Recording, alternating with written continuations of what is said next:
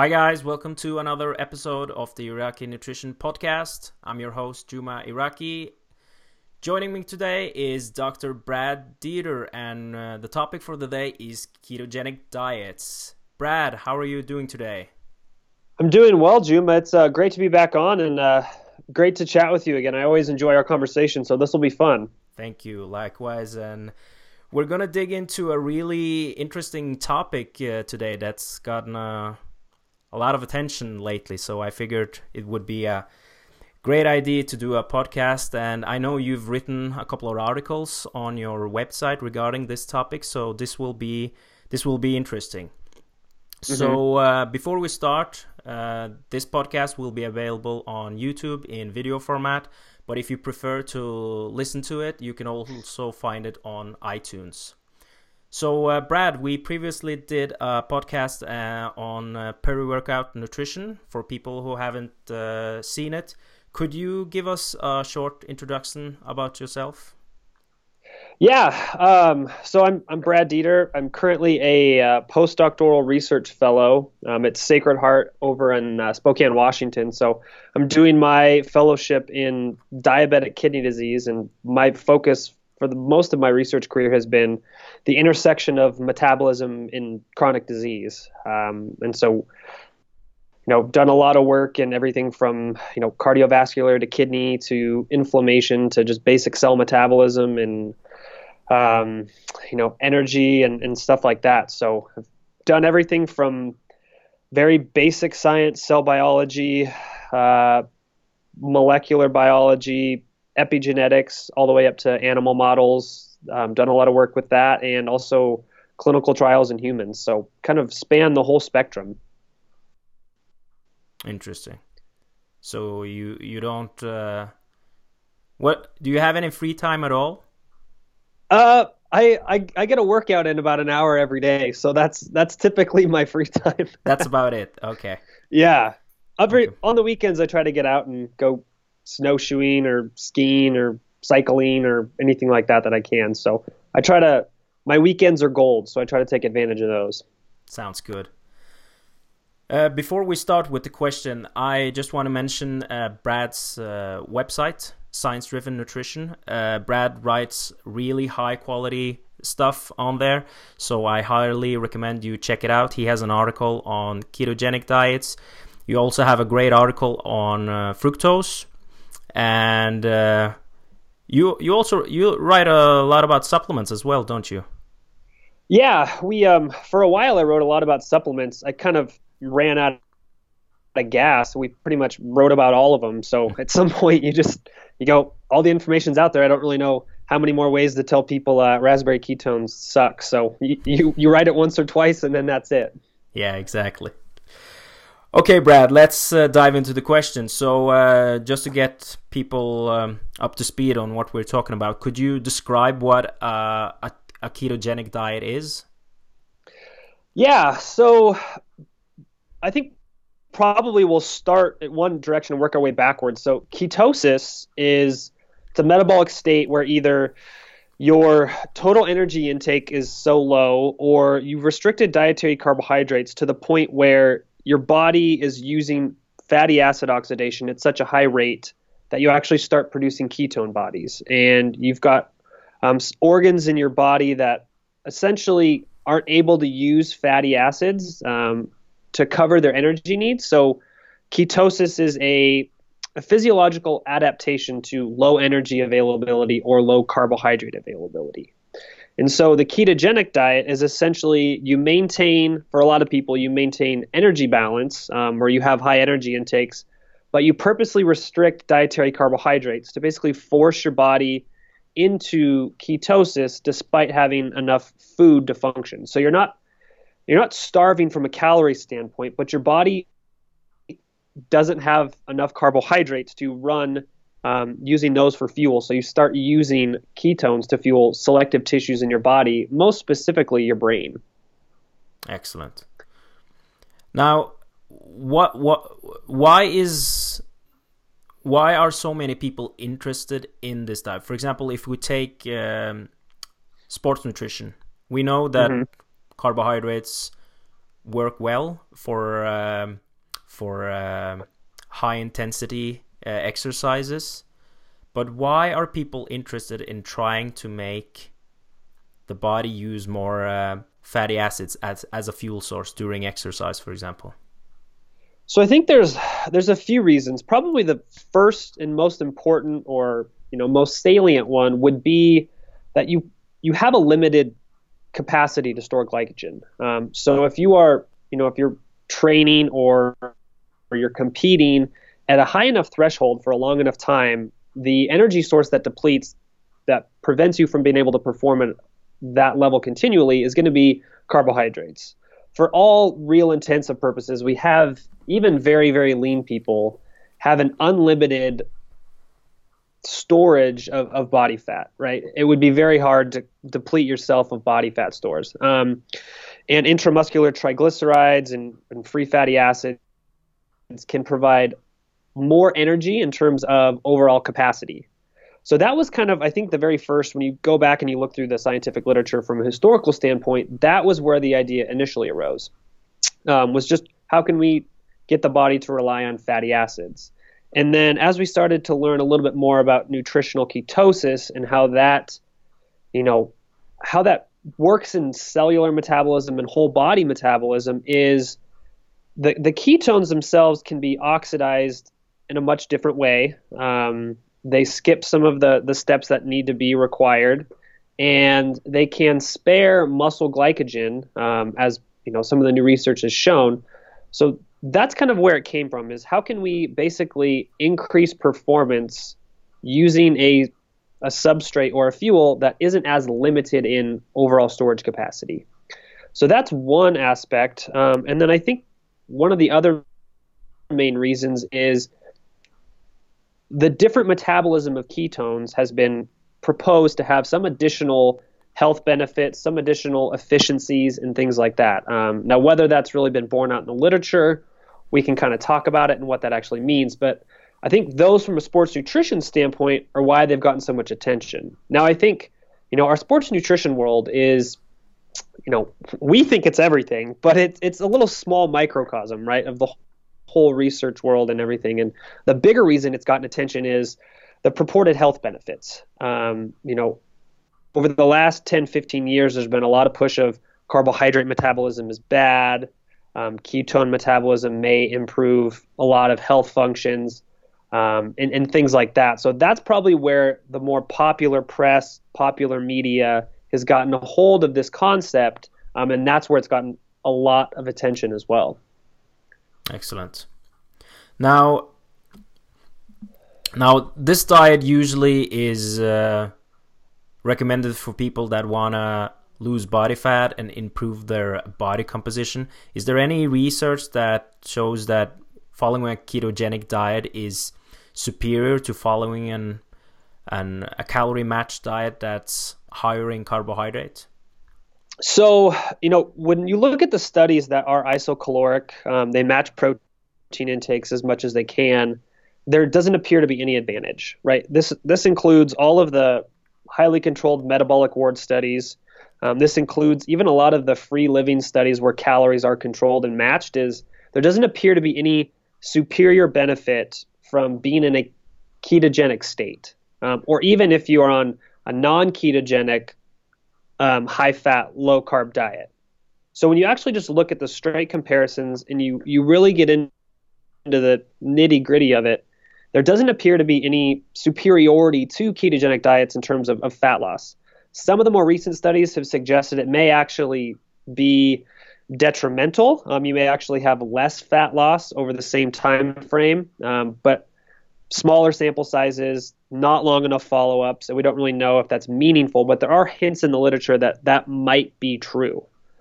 Now, one of the reasons that ketogenic diets do have a benefit on body composition, um, and if you look in the literature, this is of all of the features of a ketogenic diet that appear to be the most repeatable, um, and this includes in, in you know elite populations and normal populations, is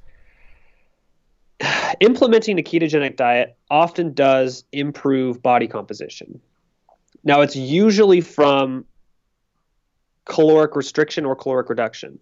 And a lot of times, even in studies that you know prescribe diets um, or try to control for calories, the participants oftentimes have what what they call in the literature spontaneous caloric reduction. So they just eat less. Mm-hmm. Now, is this? It's been argued that this is a feature of feeling full due to ketones, all sorts of stuff. Um, I think in reality, the truth of that claim is probably more in the fact of the type of food you're eating, the satiety those foods have, and you know the volume of the food you eat. So when you're on a ketogenic diet, you know a lot of these people are eating a ton of fibrous leafy vegetables, um, you know, and that's going to be completely different than somebody eating you know things like rice or um, you know fruits or things like that that just aren't quite as satiating. So in terms of the the benefit that ketogenic diets do have on body composition, which is robust and repeatable, is typically due to spontaneous caloric reduction. Um, and the mechanisms I don't think are of that spontaneous caloric reduction are well developed or highly um, elucidated in the literature. I think the data showing, you know, that ketogenic diets per se, in terms of the ketone levels, you know, really control hunger to any significant degree. I don't know if that literature or that evidence convinces me of that aspect of it yet. Excellent. Now, just to inform people more about the ketogenic diet, how how is the ketogenic diet set up? Like, how is the how, how do you divide the calories between protein, carbohydrates, and fat? So this is also, you know, one of the the interesting aspects of the ketogenic diet is it really has to be very high fat, typically between, you know, 75 to 90% of calories are from dietary fat, um, between 5 and 15% of protein, and 5 to 10% of dietary carbohydrates. Now, there's, I mean, those are some fairly large ranges when you think about, you know, calories per day and grams of food, but mm. there's a highly individual response. Um, some people stay in ketosis eating 15% protein. Some people are kicked out of it if they have that much. I think a lot of it depends on you know your metabolism. I think it depends on your activity levels um, and all sorts of stuff. So there does appear to be a large variation within some of those things that people have and their response of whether they stay in ketosis or not. Could you explain why you get out of ketosis if your protein intake is too high? So if you take if you consume enough protein, there's several different mechanisms that protein kicks you out. One is just gluconeogenesis. Mm-hmm. Um, if you consume a lot of protein, the amino acids will get converted into sugar.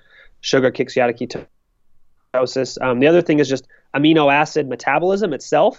Um, the way that those intermediates work with the Krebs cycle and stuff like that, oftentimes, and just the, the carbon structures can cause you to actually lower your your ketone production. Um, so there's several different mechanisms, but those are the two main ones as to why dietary protein can kick you out of ketosis. Excellent. Now, a lot of people that uh, talk highly of not only ketogenic diet but also low carb diets say that calories doesn't matter. Like people talk often about what what only matters is how much you Eh, how much your calorie expenditure is and how much your uh, energy intake uh, calorie intake is and the cal like the energy balance is uh, the only thing that matter but uh, the people that are interested in low carb diets and ketogenic diets they always talk about the hormonal part of it could you explain a bit about mm-hmm. that so you know oftentimes we kind of put the the calories in calories out model on one side and the hormone models of obesity on the other side mm-hmm. and when we do that um, if we kind of make it that simple all of the evidence suggests that calories matter and all of the evidence suggests that the hormone piece is fairly small in terms of overall weight regulation um, i don't think that's the right way to look at it right we do know that hormones can and do affect energy expenditure. It also um, affects where nutrients are stored, how nutrients are stored. So I think in reality, the best way to work look at it is, you know, the calorie balance is the overall paradigm you have to operate under, um, and these hormonal pieces kind of fall under this calories in, calories out umbrella. Mm-hmm. Now, the interesting thing is ketogenic diets, in terms of having benefit on fat loss, um, really have to adhere to the carbohydrate insulin hypothesis. Um, and all the data we have to date suggests that's not true. Mm-hmm. So all of the um, intervention studies, all of the randomized controlled trials, um, and all of the metabolic studies, and even the the observational studies essentially refute that hypothesis across the board. Um, so I think the idea that if if you use a ketogenic diet under the assumption that the lower carbohydrate intake per se is the reason it's effective, I, it's not correct. Um, now, does that mean the ketogenic diets don't have any practical use? Does that mean they can't be implemented? Um, no, but I think I think it's important, and it's an important distinction to know that why you think something is working um, isn't true, because that that affects how you apply it to everybody mm-hmm. and how you use it with yourself or with clients or anything else. So the pragmatic aspect and the pragmatic benefits oftentimes don't square with the mechanistic underpinning and the rationale and, and knowing how something works. And as, as somebody who's a coach or a practitioner or anything, those are important distinctions to know because if something's not working, you need to know why it's not working. Mm-hmm. Yeah, I agree, and uh, I totally agree with what you said there.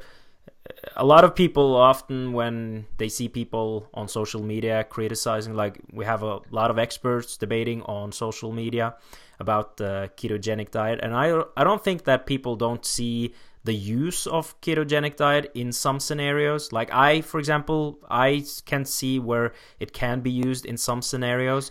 But the problem oftentimes is that people will paint a picture of that ketogenic diet is a universal diet that can be applied to everyone. Would you agree on that? Um, I would agree that that's the wrong way to look at it. Mm-hmm. um, you know, it's it's obviously a tool. Mm-hmm. I think it's a tool that has a fairly limited scope um, in terms of who should be using it and who should be prescribing to it. Mm-hmm. You know, I think I think it's a tool that can be used if it's used smartly and effectively. Um, you know, I do struggle with the the popularization that it gets um, because of the just the nature of the diet and the things that it does physiologically and mentally. So, I mean, you know, as somebody who's coached a lot of people, you know, when you get a client who's been doing a ketogenic diet for four or five years and, you know, they're starting to not feel good, they they can't train in the gym anymore. A lot of other things have gone on, you know, and they did this ketogenic diet for four or five years without really any any oversight, anybody kind of walking them through it, kind of trying to keep them from from basically falling apart. Is now we got to put that that person back together, and there's a lot of, you know, a lot of work you have to do with those clients, both you know physiologically getting them to eat specific types of food again, you know, fixing some of the some of the metabolic issues that might arise. Um, and the other piece is the mental aspect, right? You take somebody who hasn't, I don't know, have you ever seen the movie Step Brothers with yeah. uh, Will Ferrell? Yeah, yeah Where he's yeah. like, haven't I haven't had a carb since 2000 or whatever. Yeah. Um, I think that's Step Brothers. But yeah, so you've got people who, you know, haven't had a potato in six years, and so now you've got to slowly try to teach them different eating habits. You know, um, I think Lyle McDonald was on Sigma Nutrition and he was talking about, you know, intuitive eating and, and how, you know, anybody's intuitive eating if they're eating, you know, a half a bowl of cereal and an apple for breakfast is those are behaviors that have been ingrained somewhere along the journey. Mm-hmm. And so as a coach and practitioner, you've got to unwrap and unwind and and basically rewire somebody's brain to make different habits. So I think there's there's also those pieces that we have to consider when we prescribe diets like this, when we think about how they're used in the general population is there's more to a diet than the number on the scale. right, is you've got to think long term. What habits am I instilling in my clients? So, you know, if you've got somebody who comes to you and wants to lose 20 pounds, and they're like, yeah, I kind of do well on a low carb, high fat diet. Um, and so you go, okay, well, let's get even stricter. And you put them on a ketogenic diet for, you know, 12 months. They lose 25 pounds. But then what's next? Mm-hmm. Right? You, you can't you can't play the the short term game all the time. You've also got to think about setting clients up for for longer terms. And so I think that's one of the one of the drawbacks of using this approach for a large amount of people yeah, yeah, I would agree. And uh, like you said uh, initially, that it has been used in some clinical scenarios where you probably don't have any options, maybe, to follow anything else. But uh, being that the diet is so uh, uh, limited in what you can eat, and uh, one of the things that I actually have a have a, um, an issue with when it comes to the ketogenic diet is how limited your uh, uh, your your food sources for foods that have a lot of macronutrients like fruits and vegetables and berries. It's quite limited. Like for example could could you mention for example what type of vegetables you could eat on a ketogenic diet yeah i mean a lot of those people are basically stuck eating a lot of leafy greens, cruciferous vegetables, um, and stuff like that. So that's really where you're going to get most of your micronutrition, unless you're taking things like, you know, athletic greens or vitamins or you know stuff like that. And you know, one of the things that does happen is, you know, when you're eating a lot of those foods, um, and you're eating, you know, you're not having a lot of starch, you're not having a lot of things like that you've also got some some gut metabolism problems that arise, right? One of the things we are finding out is in specific people, ketogenic diets can kind of wreak havoc on the microbiome um, and can set up some other problems. So, you know, a lot of times those are also considerations you have to take into when you've got people who are, you know, on a ketogenic diet and having some issues. Is the lack of starch um, can be a problem, or the lack of glucose even can be a problem for the microbiome and things like that. So those are also things that you've got to consider. Now on the flip side, you know, some people uh, a high fat, low starch diet actually can improve their microbiome. So it's it's highly contextual. So you know, it's a tool that can be used. You've just got to really think through all of the things before you just go, here's the ketogenic diet book. You can lose some weight on it. Um, so I, I think there's just a lot of pieces you've got to work through as a practitioner. Yeah, and there seems to be some people that also don't adapt to the um, high fat content in, in in the diet. Like usually you have a period of time where you might have some GI problems, but then it adapts. Mm-hmm. But in some people, it doesn't seem to adapt at all, and they keep have having GI discomforts like diarrhea and and gas and stuff yep. like that. Yeah, exactly. Yeah. Okay, let's get into more um, more uh, more discussions on performance. Like we mentioned earlier, why there is there has been in uh, the sci- uh, in the sports nutrition com- community an interest in seeing how ketogenic diets can or cannot uh, improve performance. And uh, Louise Burke has written a, a great paper on this because this is nothing. This is not something that's just been studied uh, the last couple of years. This is something that we've been studying for, I think, since 1980, 84. Correct me if I'm mm-hmm. wrong on that, Brad. I believe that was uh, when the first study came out, um, or no, 1982. I think. I think mm that was the the Volek and Phinney study. Um, I'd have to look it up exactly, but I'm pretty sure it was 1982. Yeah. Now, or at least maybe Volek wasn't on that paper, but I know Phinney was. I think I know he was the first author. So yeah. So so uh, I think the first thing that they did was putting people on a low carb uh, diet, and they basically saw that performance suffered, and then they tried to. It, it, didn't suffer in all the all the sports that they did, but if you were doing high intensity sports, you didn't gain any benefits uh, from it. Yeah, so it's the history of of the research has been really interesting, um, and I'm a I'm a big history of science nerd. So whenever I kind of get into a topic, I always go back to the beginning and kind of watch the progression of learning and, and debate and conflict and stuff. So mm-hmm. Um, when you go back to that first study, is it was like most research in the most exercise science research in the 80s was you know cycling or some other endurance test. And so in that in that paper they took uh, i think it was five cyclists. They called them highly trained. They gave them a ketogenic diet um, or a normal diet first and they had them do um, time to exhaustion tests. And in the paper they presented the the means and they said that there was a slight improvement on uh, the time to exhaustion on a ketogenic diet. So if you actually look at the individual data points, is one person saw uh, a fairly large increase that we don't usually see in people. Um, so it suggests there's probably a learning effect of the actual test.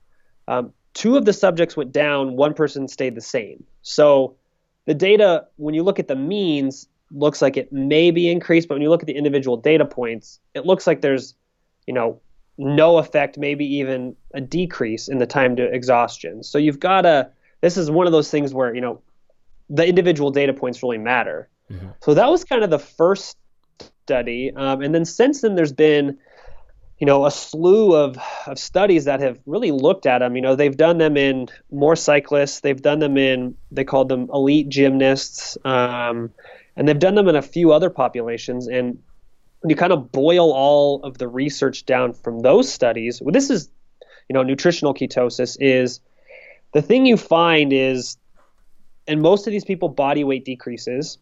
Um, there's no detriment to performance that occurs in kind of the creatine phosphate window. Um, the really low and low intensity work isn't affected. There might be some small increase in uh, that really really low intensity work but the any of the work that's done in kind of the the high intensity sustained duration piece is definitely impacted. And, and in addition to that you know there's obviously one of the most repeatable findings is reduced muscle glycogen um, from from long term things. And there's there's changes in metabolism. So those are kind of the big adaptations in terms of performance that occur. Now, probably the most the most recent study and the most interesting study I think to date, and brings up you know several areas of inquiry and lines of question, is the the paper that was published in Cellular Metabolism. I think not too long ago. It was definitely in 2016. It was in August, where they basically gave people um, a ketone drink right? So these these ketones that they're drinking, um, and then they had them, you know, basically train time to exhaustion tests or, um, you know, I can't remember the exact test they used. I think it was maybe distance or something. But basically, what they did was they they gave people an exogenous ketone, and they had them train at about 65% of your VO2 max. So that's you know, for most people, that's a fairly moderate, kind of lowish intensity um, range to train in, mm-hmm. right? This was also, you know, if you go back to the, uh, I think it's the Rajak study in '93 where they looked at substrate metabolism, and that's kind of the peak fat oxidation to carbohydrate ratio um, in terms of overall amounts that you see during exercise, and that consuming exogenous ketones kind of spares muscle glycogen at that rate. So you can you can go a little bit longer and not impact muscle glycogen. And essentially what you do when you take ketones exogenously and you train at that level is your body burns the ketones before it burns anything else. Now, biochemically this makes a lot of sense right? Just the way the reactions occur, um, just the way the body metabolizes things is you're going to preferentially burn the ketones over everything else. Mm-hmm. So this brings this brings up a few few topics and few ideas, um, and these are you know hypotheses that I don't have any data to support. So this is anything I say from here on is uh, pure conjecture, and people can feel free to argue and say whatever. But so if I'm taking exogenous ketones and I'm delaying, basically setting aside carbohydrate oxidation, fatty acid oxidation, what is that going to do if you do need to perform at a higher intensity? Right? Is that going to inhibit your ability to conduct glycolysis and actually perform at a higher rate? So let's say you're you're in a race, you've taken a bunch of ketones, and you need to start. You know, you need to have a you're on a bike and you need to do a, a half a mile sprint to to catch up to the pack or to pass somebody. Is your high end performance going to be inhibited? I think it might be, especially if you're doing exogenous ketones. Um, I think that's an area that's very interesting because it makes sense at all levels. I think the other thing that people need to think about is these ketone, these exogenous ketones are being marketed for for fat loss purposes. Um, now, it's interesting if you are taking an extra supplement that does have caloric value, and you're basically setting aside, you know, carbohydrate oxidation, what are you really accomplishing? Um, so I think that's another question we really need to answer is does that actually work and does that actually mean anything? Excellent. Now I know uh, some of the critique that the research I've gotten from people that are pro ketogenic diet is that the design and the protocols weren't good enough. For example, they often say that it wasn't a long enough time for people to get fat adapted for the diets. But how how long does it actually get uh, to? How long does it actually take for a person to get fat ad- adapted? Uh, this is a this is a question that pains me a lot. So, I think let's see. To to directly answer your question, it's highly variable. Um, you can do things to increase the rate of what we'll call fat ad- fat adaptation. Um, you know, if there's really no good answer. Um, some people it takes a few days, some people it takes a few weeks to what to do what we call fat adapted. But I don't really know if that um, that's the best nomenclature for it, because a lot of those readouts and people use to say fat adapted involve changes in you know fatty acid enzymes, changes in mitochondrial density, changes in a lot of those other things um, that are also affected by a whole lot of other stuff. I remember I was at a I was at a, a conference and people they had a they had a keto panel um, and they were talking about how you know it takes several weeks before you know mitochondrial genes are upregulated by the diet da da da da da. But if you use that as a marker, exercise does the same thing, right? We know that one bout of exercise often increases genes for um, you know mitochondrial biogenesis to about the same extent that it takes two or three weeks of a high fat diet to do.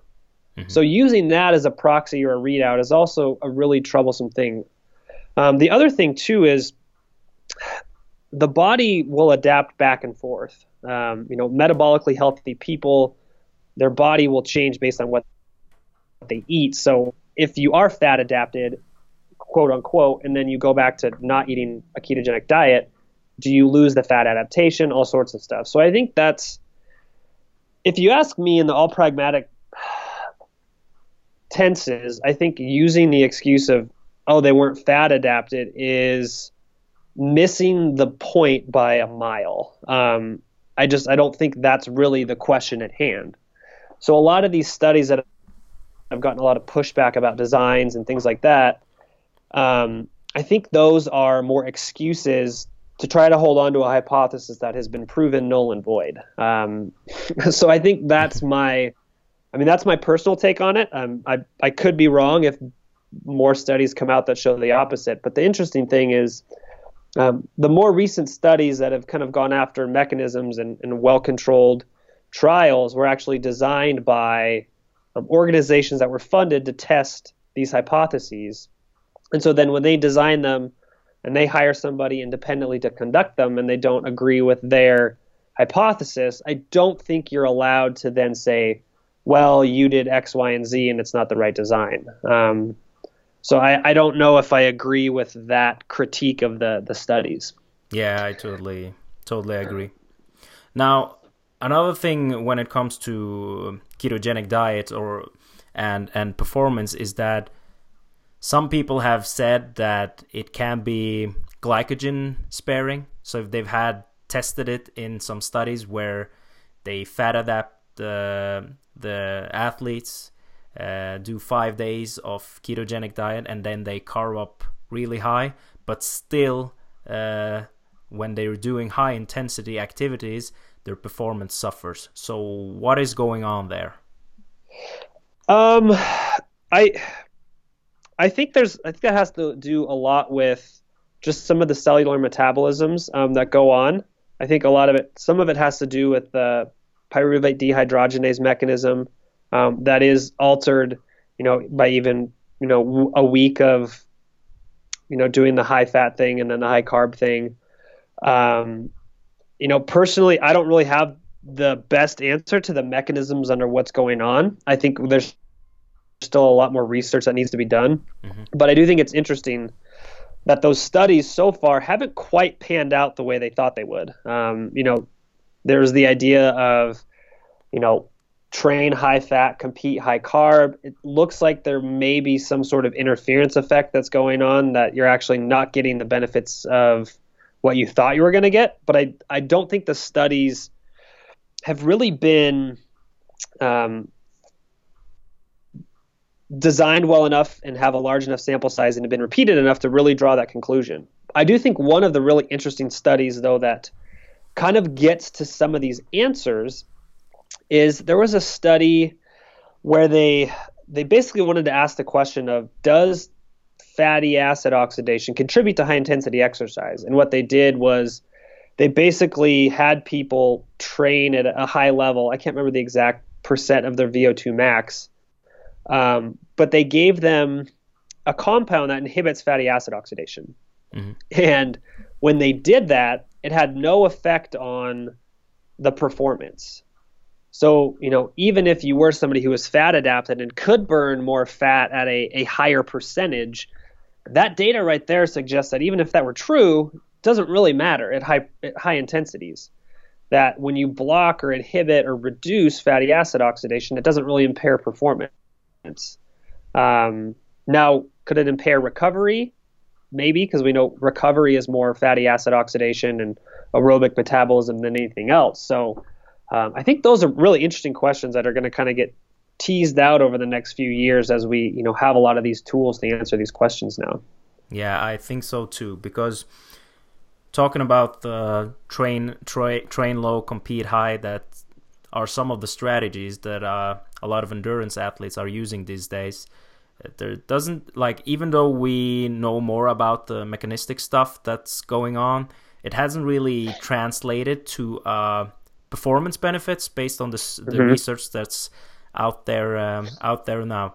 But um, in regards to the cycling the carbohydrates for like like I mentioned doing ketogenic diet for 5 days some people actually think that doing 5 days of keto and doing 2 or 3 days of a high carb diet before a competition you will get the benefits from both worlds but because people thought earlier that it was glycogen sparing, but like you mentioned, it actually seems like it's uh, uh, impairing the body's ability to use glycogen as a uh, as a fuel source.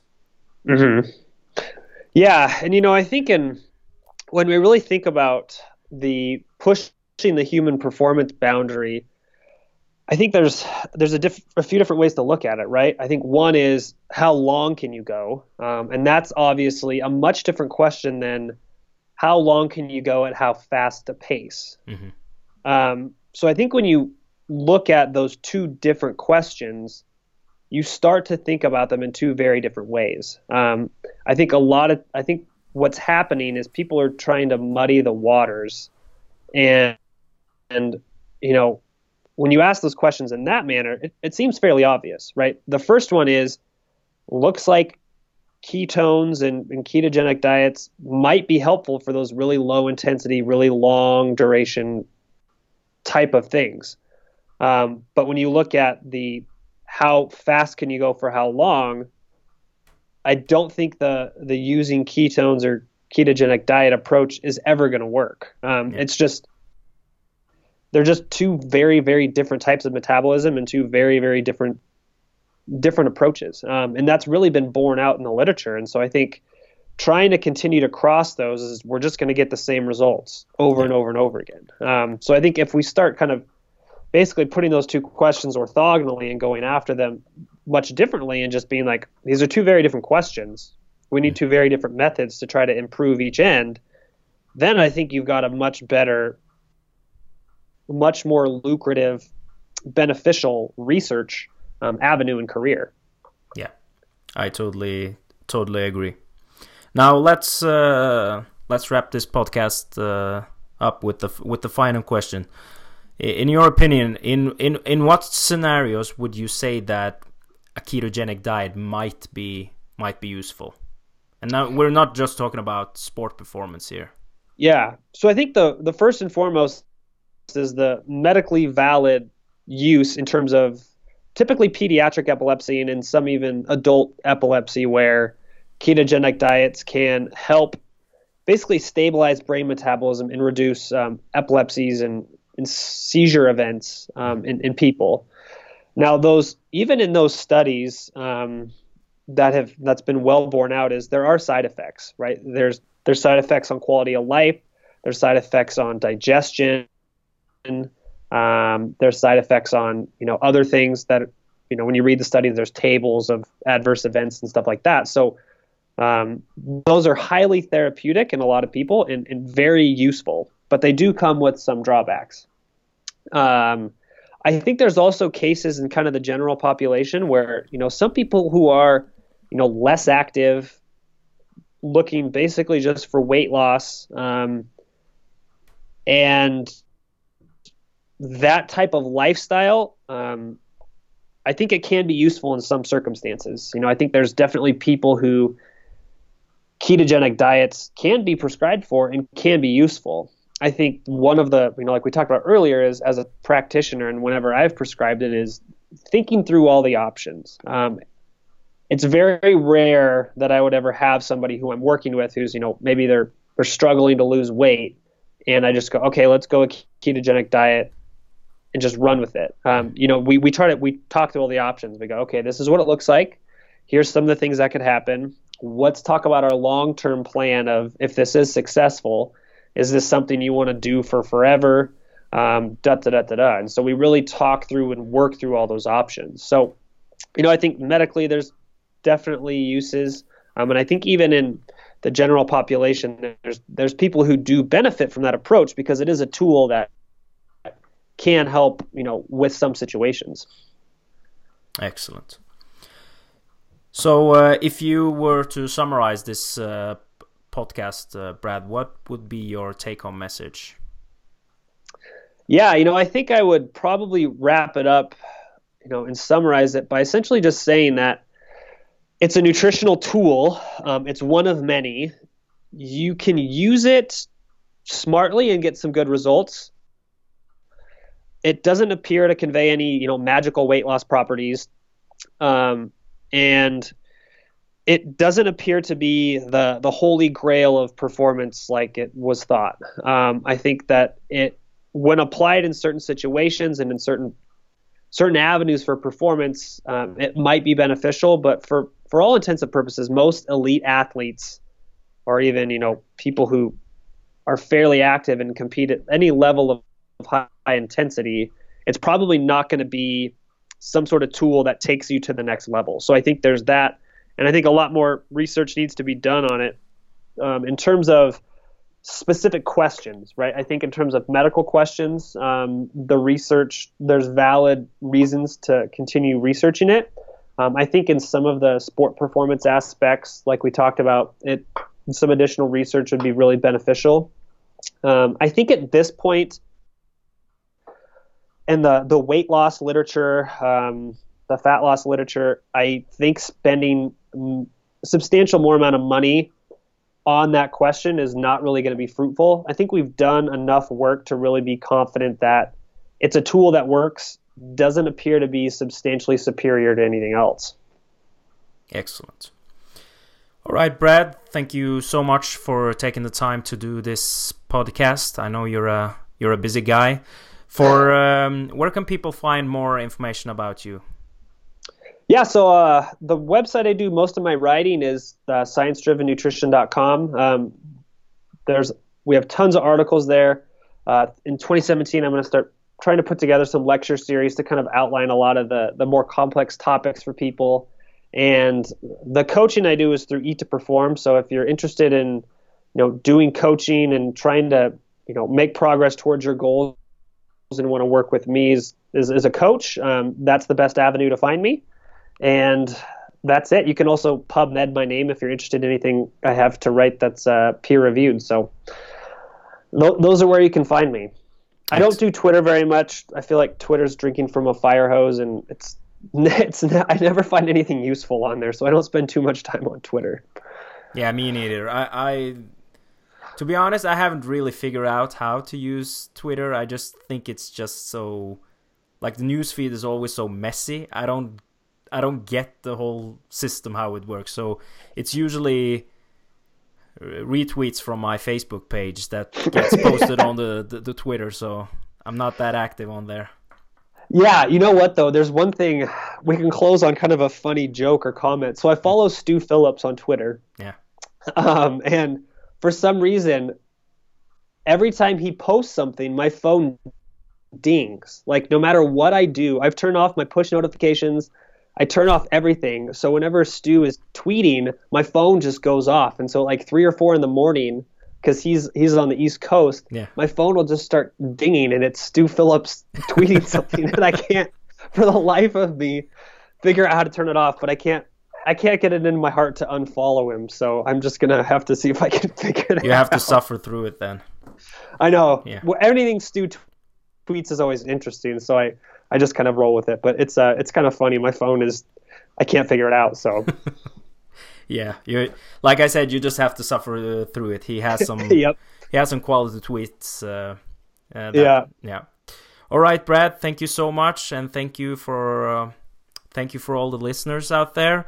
Uh, Brad, uh, glad you had time to do this again. Uh, yeah, absolutely. Do, it was a blast. Yeah, we should do it again sometime on a different topic. I'll probably figure something out. So, uh, all right, man. yeah, Sounds yeah, good. yeah. Thanks again. Take care and have a nice day. You too. Bye bye.